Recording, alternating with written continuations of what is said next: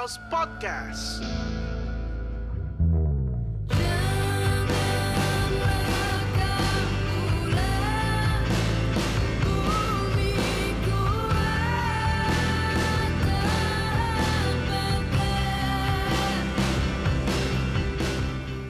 Coffee House Podcast kembali mengudara hari ini kembali di lokasi yang sama dari minggu lalu sama Adis ya Kembali di kampusku tercinta. Tapi hari ini gua mau interview teman gua adik kelas gue. Kalau Adis kan kemarin seangkatan hari ini adik kelas. Dia tergabung, eh tahun ini menjabat sebagai ketua ya Fe ya? Iya. Ketua dari salah satu UKM di UPH, Art Band. Jadi anak band gitu nih narasumber gue hari ini. Kan boleh perkenalan dulu gue punya Nave halo Ve Halo, kenalin nama gue Nave. Angkatan berapa? Angkatan 2017 Hubungan Internasional. Iya. Soalnya gue gak nanya jurusan sih, cuma gak apa-apa Maksudnya biar tahu umur aja, 2017 berarti kelahiran 99 ya Masih muda sekali, masih ranum ya ibarat kalau biji itu? tuh Hari ini gue membahas salah satu karya dari Nave yang dia persembahkan buat UKM-nya, buat Art Band Mm-mm. Di waktu itu Art Band ada event ini ya Ve ya Gratitude ya Iya. Jadi ceritain dulu dong Gratitude tuh apa waktu itu? Jadi tuh eh, Art Band waktu itu mencapai 10 tahun. 10 tahun Iya, 10 tahun. Wah dari 2008 berarti ya? 2000 iya benar. 2008 2008. Oke Terus akhirnya eh, BPH tahun itu memutuskan untuk bikin album dalam rangka ya untuk berterima kasih Hmm. baik itu awalnya sih memang dari art band untuk art band jadi kayak berterima kasih atas perjalanannya Oh asasnya demokrasi itu. ya dari rakyat untuk rakyat gitu nih.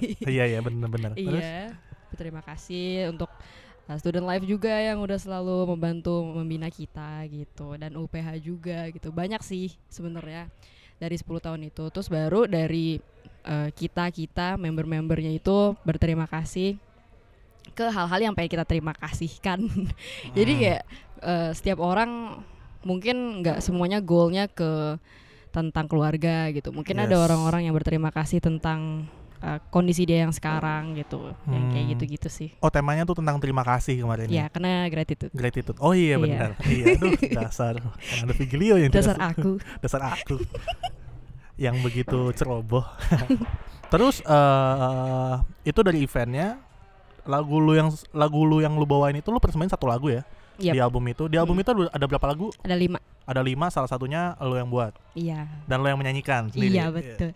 Sama Kevin ya waktu itu ya. Yoi. Kevin Albert. Out Kevin Albert yang sudah entah di mana kabarnya. iya nih, ke mana ya? Eh, cerita dulu dong tentang lagu lo. Jadi eh lo yang nulis, lo yang perform. Maksudnya gimana proses produksinya waktu itu tentang lagu lo? Sebelum kita bahas isinya, kita bahas produksinya dulu. Produksinya tuh kayak gimana kemarin? Jadi tuh lagu itu sebenarnya dari puisi gua. Jadi nggak, gua nggak nulis lagi gitu loh. Gue cuman ngambil Ah, dari puisi gue waktu itu. Memang puitis sekali sih liriknya. Iya, iya. Nanti kita bahas di depan. Tapi boleh dilanjutkan. Iya, jadi ya udah nih gue punya lirik nih. Tapi memang kan Mm-mm. itu masih bentuknya puisi banget. Mungkin itu nggak bisa dinyanyiin gitu kan. Iya. Jadi akhirnya waktu itu ada music director band gue namanya Reinhard. Weh, Weh, shout out to Reinhard. Reinhard. Partner. Eh, dia yang bantu. Eh gimana nih kok? Eh, nadanya kayak apa ya kira-kira? Terus gitu kita nongkrong doang gitu di student Mhm, life mhm, sampai jam jam 6 mungkin. heeh. Cuma mikirin nadanya doang gitu sama four bass juga waktu itu. Our best, iya ya. Iya. Terus udah sih tiba-tiba jadi aja gitu. Udah jadi itu dua jam di Jadi kurang lebih life. itu bisa dibilang yang ngaransemen Reinhard. iya Yang aransemen Len- Reinhard, liriknya diambil dari pui- puisi lo. iya Puisi udah lama atau puisi baru? Eh, baru sih sebenarnya baru gua publish di gua ada blog isinya Mhm. puisi-puisi gue jadi Keren. kebetulan baru gua publish terus kayak eh kita bikin lagu eh, oke yang ini aja nih Oh jadi pas Gitu. banget gitu iya ya? pas banget Terus kenapa dari se- sekian sekian banyak puisi lo lo ambil yang itu? karena eh, ini tuh sebenarnya kayak game changer gitu buat gua sih Game Maksudnya, changer. Iya, si puisi ini eh, lukanya menurut gua sangat besar, paling Mhm. besar dari Mhm. luka-luka yang lain gitu dan itu eh, membekas banget sampai Mhm. akhirnya itu mengubah perspektif gua, mengubah diri gua sendiri dan menumbuhkan ya kedewasaan di diri gue juga. Perspektif akan perspektif akan hidup, akan failures, akan Ah. masalah-masalah gitu dan pressures yang ada gitu. Gitu. Jadi ibaratnya bisa dibilang kalau eh, lagu ini adalah eh, sebuah pengingat akan titik balik di hidup lo gitu ya. betul. Keren banget gak deduksi gue.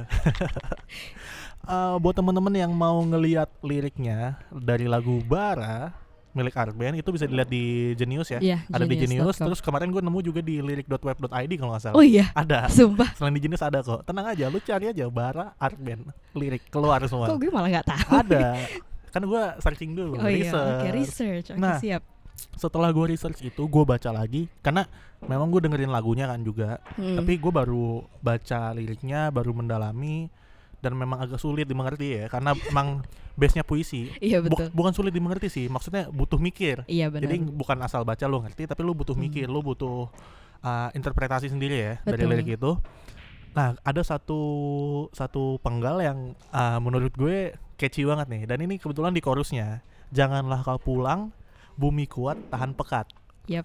Itu nemu dari mana, Ve? Penggalan lirik itu tuh. apa ya karena mungkin gue lagi luka terus Ha-ha. abis itu gue memang tipe orang yang nggak suka ketika gue menyatakan sesuatu secara gamblang gitu Oh, jadi lu main kode gitu ya hobinya? Iya gak sih? kalau misalnya buat ngomong ke pacar gitu-gitu gue eh, gamblang banget ngomongnya cuman Iya. kayak ketika gue buat karya gitu gue lebih Hmm. seneng ketika seseorang tuh eh, punya imajinasi dan interpretasinya sendiri tafsirannya sendiri Oh. Jadi gimana ya Kok gue jadi Jadi ibarat eh, lu membuat suatu karya, lu mengantar si penikmat karya lu itu sampai 80% aja. Iya, 20% betul. misalnya 20% lagi dia yang nyari sendiri, dia yang Hmm. selesaikan atau gimana? Gitu. Eh, nanti gua sih yang biasanya gue cerita di story gitu Mm-mm. misalnya ini tentang apa sih sebenarnya gitu jadi kayak untuk em, apa interpretasi yang secara fullnya mereka bisa mungkin lihat di situ tapi ketika mereka baca mungkin mereka harus kayak apa sih ini gimana ya Nah, gitu Karena memang gitu. basicnya puisi kan. Puisi Iya. kan tidak tidak nggak eksplisit Iya, tidak dibuat untuk cerp, tidak dibuat sebagai cerpen gitu Iya, ya. Orang baca langsung mengerti, memang Hmm. butuh mikir. Namanya juga puisi ya kan. Jadi eh, janganlah kau pulang bumi kuat tahan pekat. Bumi itu siapa? Terus pekat itu maksudnya apa? Boleh ceritain nggak penggalan lirik itu aja? Jadi kan ini si Bara tuh ceritanya tentang luka, tentang seseorang yang eh dilukai. Uh-uh. Sebenarnya spesifiknya bullying, tapi semakin ke sini gue ngeliat kayaknya ini agak general juga ya. Maksudnya Iya, luka iya. itu kan datang dari mana saja. Gitu. Iya. Lalu Luka fisik, luka batin ya. iya betul. Lalu eh, awalnya dia tuh marah banget gitu, Ah, ah. marah banget karena kenapa sih gue harus lo sakitin gitu loh. Harusnya lo tuh menyayangi gua gitu. Di sini lu tulis berbisik kayak terusik gitu, bukan? Iya. Itu. Jadi orang yang berbisik tuh maksudnya orang yang ngeganggu gue ini, Mm-mm. tapi dia merasa dirinya terganggu. Jadi kayak eh, ketika lu ngebully gue, Ibaratnya lo yang nabrak, lo yang bawel gitu. iya, iya Iya gitu. kan? Jadi Iya. kayak lu ngebully gue, gue nggak gue nggak ngapa-ngapain gitu, tapi Iya. kayak somehow lu terusik aja dengan kehadiran gue di Oh. mana gitu. Kayak lo itu hidup udah salah gitu. Iya. Betul. Baru- Kayak gitu ya. Betul, iya, Iya, iya. sering iya. terjadi kok di kota-kota besar ya. Oke. Oke. Kembali ke Terus? yang lain, ke yang tadi. Nah, jadi si Bara itu adalah orang yang sedang dilukai. Hmm. Karena bara adalah sesuatu yang terbakar, maka yang membakar itu adalah si api. Api, Si apinya itu adalah yes. orang yang kalau di lagunya sih gue bilang langit. Karena kenapa gue buat langit sama bumi? Karena ketika seseorang melukai seseorang, itu gue ngerasa mereka punya apa ya? Mereka merasa mereka punya otoritas. Yes. Mereka punya otoritas untuk menyakiti orang tersebut dengan Yes. merasa bahwa mereka lebih tinggi lah Exactly, atau iya makanya gue exactly. bikin tuh bumi dan langit gitu Dan lu gue boleh apa menebak nggak? Lu am- lu ambil langit dan bumi karena langit yang di atas ya. iya Bumi, ya kan? Bumi Iya. yang di bawah sehingga ya imajinasinya gampang aja itu yang di atas iya ya benar look down ke bawah. iya Seperti itu. Hmm. Oke, menarik ya. Gue jadi pengen baca lagi liriknya ntar lah di rumah deh. Terus berarti gue bisa ngambil kesimpulan. eh ini sebenarnya eh, mengacu ke pertanyaan gue berikutnya, kayak at what mental state lo menulis lagu ini? Berarti udah kejawab ya. Kalau menulis lagu Hmm. itu berarti waktu sedih, Iya, lagi marah, lagi sedih. lagi marah, Hmm. dan itu eh, apa yang terjadi di lagu lu itu kejadian sama lu ya Iya, sebagai korban betul. ya. Makanya kalau misalnya eh, lu tidak merasakan itu mungkin eh, lagu itu nggak tercipta ya. Betul. Memang pengalaman itu adalah guru, guru yang terbaik guys. iya, benar-benar bisa jadi konten, Ah, bisa jadi karya. Itu kapan, Ve? Waktunya ah, wak- waktu itu lu ah, merasakan itu. 2017 sih berarti. Oh, berarti lu udah kuliah apa SMA Iya, iya. terakhir? Iya ya udah kuliah dong. Udah udah kan maba, mungkin kayak akhir tahun mau Hmm, menjelang 2018 Yes, kayaknya yes. deh. Iya. Masih semester 1 berarti Hmm. ya. Belum lama ya, masih fresh ya. Iya. Fresh wood. Eh, yang mau gue tanya adalah ah, apa kan itu ah, lirik itu dibuat sebagai puisi dulu. Mm-mm. Baru kemudian eh, secara takdir kita, kita ibaratkan eh, Hmm. akhirnya bisa dibuat menjadi sebuah lagu. Hmm. Eh, apa yang lu rasakan pertama setelah puisi itu jadi, bara itu jadi dalam bentuk puisi saat dan setelah bara itu jadi dalam bentuk lagu. Ada perbedaan nggak? Apa yang lu rasakan? Eh, kurang lebih sih sama ya. Gimana caranya gue bisa channeling si luka Channeling, gue ini gitu yes. karena eh gue juga dulu pernah me- menyalurkan pilu gue dengan cara yang kurang tepat gitu kayak gue dulu sempat super negative thinking, super Hmm, overthinking dan yes. sempat suicidal juga bahkan gitu karena gue nggak bisa membendung rasa sakit gitu karena gue merasa gue sendirian gue merasa gue yang Oh. paling sedih gitu gitu Iya, iya. jadi akhirnya gue menemukan cara untuk oh gimana nih caranya supaya gue bisa menyalurkan kesedihan gue tanpa harus belak-belakan eh gue lagi sedih gitu kayak Oh, gitu iya. Terus Jatuhnya nggak caper gitu ya. Iya, Eh, gue sedih loh, gitu. nggak gitu ya. iya iya Tapi iya. caranya lebih elegan. iya betul Keren sih lewat puisi itu keren banget. channeling akhirnya gue nulis puisi rasanya sih lega tapi gue tahu bahwa masalah itu nggak selesai. Selesai. iya belum selesai Artinya Cuman- sebagai stress reliever ampuh Iya, ya. ampuh sih menurut gue Stress reliever, oke. terus udah jadi puisi terus tiba-tiba eh, mau bikin lagu oke pakai ini aja waktu udah jadi lagu tuh gue ngerasanya lebih dapat sih Lebih kayak dapat ya. iya gue ngerasanya tuh lebih oh ini waktu itu banget nih gitu Ya karena dari kalau misalnya dari perspektif komunikasi ya eh, Hmm. apa yang apa yang lu gunakan untuk mencerna karya itu lebih banyak. Lu menggunakan telinga, lu menggunakan mata juga sambil lu baca lirik misalnya lu Hmm, dengerin iya lagu. Kalau misalnya lu puisi kan cuma visual doang. Hmm. Ya lu baca doang gitu. Jadi sebenarnya saya memang seharusnya lebih ini lagu sih, lebih ngefek lagu. Tapi eh, spesifiknya setelah lagu itu jadi apa yang lu rasakan berubah misalnya? yang berubah adalah itu tadi sih cara pandang gue waktu itu memang waktu masih puisi Mm-mm. gue a- rela sih maksudnya oke gue memaafkan diri gue gue udah rela nih ini terjadi Mm-mm. tapi kayak growth dan cara gue memandang itu belum sedewasa ketika itu udah jadi lagu gitu Mm-mm. jadi ketika itu udah jadi lagu gue merasa kayak oh iya ya ketika gue liat ke sini ketika gue ngeliat lagu ini kayaknya seharusnya pandangan gue kenapa nggak ngelihat ke sisi yang baiknya gitu loh Hmm. gitu jadi kayak eh, amarah gue tuh nggak se istilahnya nggak se childish itu lagi gitu Hmm, iya iya. jadi ada ada apa ya gue jadi terpicu untuk oh iya Ve lu harusnya kemarin tuh kayak gini loh gitu kayak Hmm, gitu jadi sih. di situ lalu mau apa merasa menemukan ini Iya. ya, kedewasaan ya. iya Ah, nah, gue pengen nanya, ah, Bara ini ah, lu sudah mulai nulis-nulis puisi jauh sebelum lu nu- nulis Bara atau Hmm. Bara ini termasuk puisi-puisi awal lo? Hmm. Baru. Gua nulis puisi tuh dari kelas 6 SD. Gokil. Itu jadi blog gua tuh udah ada dari gua kelas 6 SD. Blogspot berarti ya? Iya, masih blogspot.com. gue juga kok masih. Terus? Terus eh, ya udah gue seneng awalnya sih itu emang kayak lebih ke cinta-cintaan ya sama Hmm, hmm, hmm. apa gebetan gitu-gitu kan Cinta monyet lah biasa, iya. umur-umur segitu ya kan?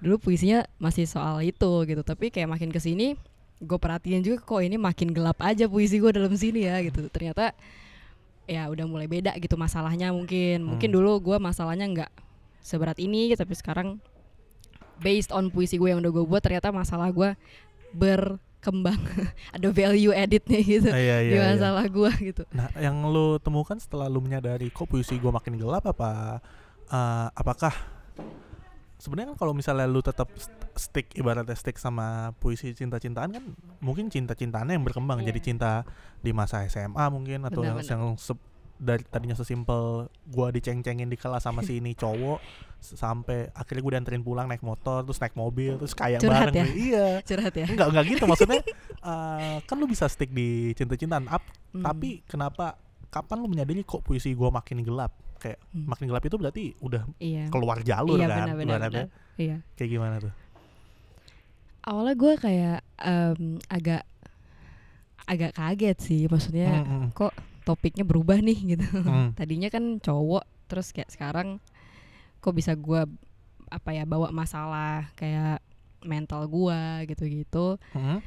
tapi gua nggak merasa itu menjadi sebuah pertanda bahwa wah hidup gua semakin kelam gitu. Enggak oh gua iya. Terus? gue menganggap bahwa oh oke ternyata ada banyak ada banyak eh, cara untuk gua semakin tumbuh menjadi orang yang lebih dewasa lagi gitu. Dan dengan Mhm. masalah-masalah ini gue juga jadi sadar bahwa oh iya Fe Mhm. dulu tuh masalah lu tuh kayak gini ya. Cara lu menanggapinya dulu kayak gini gitu. Mhm. sekarang lu dapat masalah sebesar ini cara menanggapi lu kayak gini. Nah harapannya Nave ayo coba semakin dewasa lagi untuk menghadapi masalah-masalah yang lain dari masalah yang udah terjadi gitu. Hmm, berarti uh, puisi ini bisa ibaratnya lu, lu, bi- lu bisa jadikan sebagai uh, checkpoint ya Iya, Iya gak sih betul betul. checkpoint nih mah nah lu udah sampai sini yuk move on yuk ke yang lain iya, gitu Iya, iya, iya. Nah, lu udah mulai nulis puisi dari kelas 6 SD Uh, dan bara itu adalah suatu representasi dari apa yang lo rasakan, apa Hmm. yang lu apa apa ya lu- luka apa yang lu punyai. Gimana proses penulisannya itu termasuk cepet atau ngalir tiba-tiba set, set, set, set, set, jadi atau ini kayaknya nggak gini deh. Oh. Atau gimana? Cepet atau lambat sih ibarat Cepet sih. cepet ya? Iya, kebetulan lagi deres-deresnya mungkin. Oh lagi deres-deres Iya, ya? idenya. lagi kayak uh lagi Iya, klimaks iya, banget nih bener, bener, masalahnya nih ya kan berapa seberapa cepat waktu itu lu nulis Kayaknya cuma dua jam. dua jam? Iya.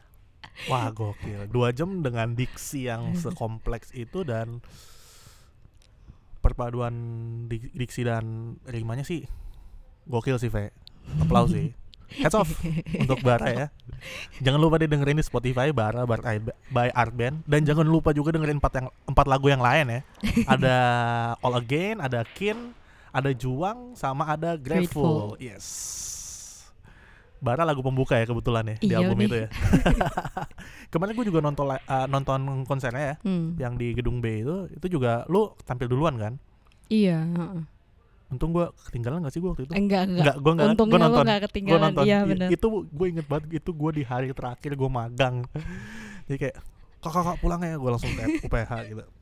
Nah eh sebenarnya nih eh yang pengen gue tahu terakhir sih. Hmm, bara itu adalah suatu representasi dari eh, apa yang lo alami. Hmm. dan lo memutuskan untuk men- eh, mencurahkan isi hati lo dalam bentuk puisi sebelum akhirnya lagu. Hmm. begitu itu jadi lagu lu punya tujuan nggak? Apa sih kayak apa sih hal yang apa sih yang pengen lu sampein kepada siapa pun yang denger bara tentang lagu itu? Gitu. Eh, yang gue pengen sampein adalah nggak apa-apa untuk punya masalah Mm-mm. sebesar apa pun nggak apa-apa untuk merasa marah ketika sedang dilukai seseorang gitu. Mhm. nggak apa-apa sedih ketika sedang dilukai seseorang yang mungkin seharusnya tidak melukai gitu tapi kayaknya nggak Hmm, ada deh iya. orang yang nggak melukai gitu namanya kan. manusia ya kan? Manusia bisa terluka gitu. Benar-benar. Terus? Iya eh jadi distracted kan gue lupa. Intinya pertama adalah tidak apa-apa iya. untuk sedih ya nggak- itu pertama banget nggak apa-apa untuk punya masalah dan segala macam dan nggak apa-apa untuk merasa. Merasa. Itu sih yang penting karena em, kalau dulu eh, ada bawaan di gua kayak gua tuh selalu menghindari untuk merasa gitu. Jadi kayak aduh nggak boleh sedih nggak boleh sedih nih. Aduh, karena oh, sedih itu tabu gitu iya, waktu itu. iya. cengeng apa lagi ya? Iya. Jatuhnya jadi kayak cengeng jatuhnya kan? cengeng. Iya benar-benar benar. Iya.